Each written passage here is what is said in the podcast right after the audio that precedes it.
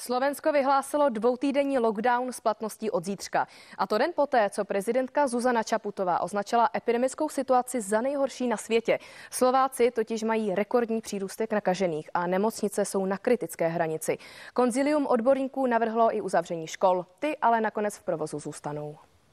Sme so svojím prístupom najhorší na svete.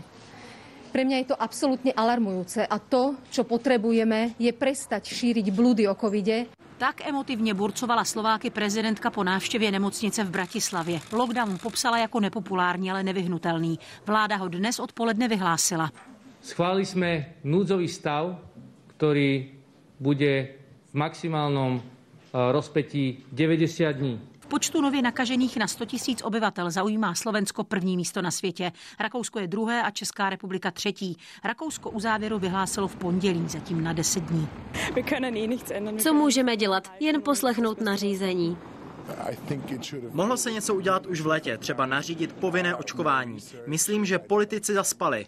Rakousko naplánovalo povinné očkování jako první v Evropě. Bude nutné od února. Nejlepší postup v boji s covidem ale teprve hledáme. Rakousko v době epidemie už tradičně mezi prvními uzavírá. I tak počty nakažených rostou. V očkování ovšem k premiantům nepatří. Rakousko má naočkováno kolem 65% populace a proto vakcinaci nařídilo. Ani vyšší proočkovanost ale není záruka. Dánsko má naočkováno více než tři čtvrtiny populace. Také se nebránilo lockdownu a i když v září ohlásilo, že má pandemii pod kontrolou a zrušilo omezení, dva měsíce na to byla opatření zpátky.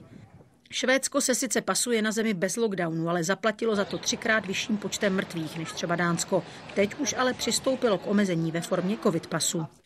Náš záměr je zavést je od 1. prosince. Premiantem v očkování je Portugalsko. Obě dávky tam má téměř 87% obyvatel. Tyto tabulky zveřejnilo na svém Facebooku slovenské ministerstvo zdravotnictví, aby rozptýlilo dezinformace. A sice, že i pro očkované země mají plné nemocnice, ale očkovaných. To tvrdil i bývalý premiér Robert Fico. Čísla mluví jasně. Na počtech hospitalizovaných i zemřelých je jasně vidět, že očkování zabírá. Anna Kadavá, CNN Prima News.